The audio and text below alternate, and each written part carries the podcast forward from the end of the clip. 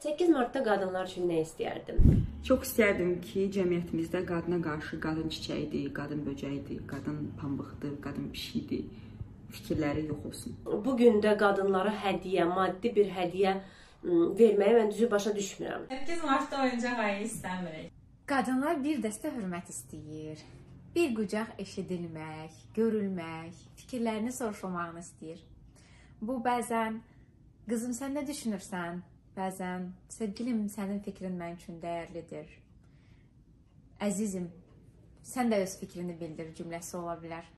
8 martda da qadınlar əslində hər gün olduğu kimi cinsi ayrı seçkiliyə məruz qalmaq istəmir. Dünyaya sadəcə qadın olaraq gəldiyi üçün artıq avtomatik olaraq ikinci dərəcəli hiss etmək istəmir. İstər ailədə, istər məktəbdə, universitetdə və yaxud işində.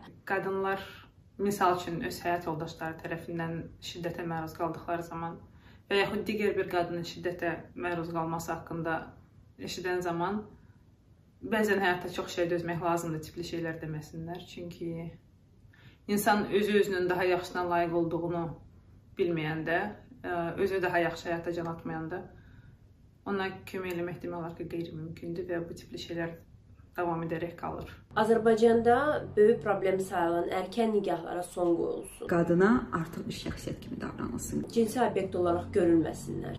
Ağlına, savadına, bacarığına görə yanaşılmasını, cins orqanına görə yox. Qadının üzərindəki cəmiyyətdəki qul baskısı, qadın məişət işlərinin öhdəliyinə götürülməsi, boynuna qoyulması qaldırılsın. Cəmiyyət qadınları stereotiplərlə limitləməyib, qadınlara istədiyi işlərlə məşğul olmağa imkan yaratsın. Qadınlar ə, həyatlarını birləşdirdiyi insanlarla məişətlərini də bölüşə bilsinlər. Dünyaya gəlmə səbəblərinin ə, ərə getməyə və uşaq sahibi olduğunu düşünməsinlər. Xüsusilə Azərbaycan kimi ölkələrdə qadınlar uşaqlıqdan daha çox cəsarətləndirilmək istəyir. Daha çox sən ağıllısan, sən istedadlısan, sən bacarıqlısan, sən hər şeyi bacaracaqsan, mən sənə inanıram ifadələrini valideynlərindən eşitmək istəyir. Cinsi ayrımçılıq ə, evdən başlayır və çox istəyirəm ki, valideynlər ə, uşaqlarını yetişdirəndə qız və ya oğlan uşağı arasında fərq qoyulmasın. Nə vaxt tərpənərsən? İstəyənin yoxdur. 3 ayda ərə getmisən, bir şey bir şey yoxdur. Ərin icazə vermir getmə də. Oxuyub edəcəyik? Allah hər çörəyi qismət eləsin.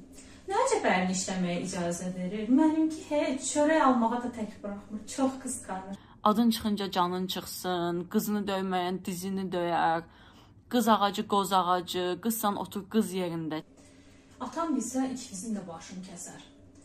Bilirsən, o qızı oğlandan görüblər. Yaxşı olar ki, ona çox yaxınlıq eləməyəsən, sonra sənin də adın çıxar.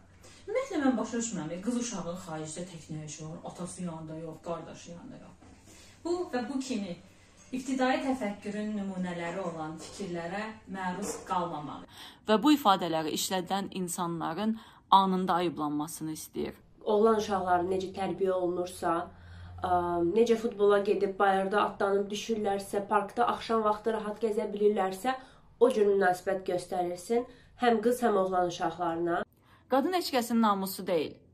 Qadın qadındır, qadın insandır və bütün insanlara bərabər imkan və haqqların sunulmasını istəyir. Bizi eşidin, bizi görün, fikrimizi soruşun və fikrimizə dəyər verin.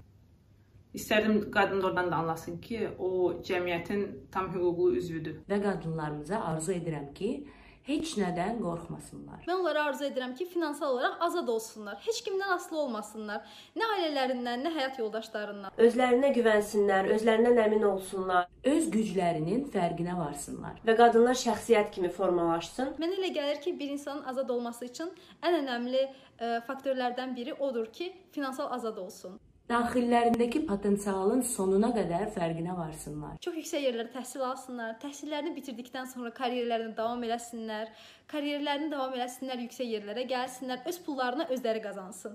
Əla təhsil alsınlar. Ə, mühəndis olsunlar, idmançı olsunlar, elm adamı olsunlar, nə olursa, kim olursa olsunlar, daim özlərini inkişaf etdirsinlər və ən əsası özlərini sevsinlər. Qadınlarımız azad və xoşbəxt olsun, qadınlarımız öz hüququnu bilsin, onlara bu sevgini, bu hörməti göstərə bilən insanlar da yalnız bərabər olsunlar.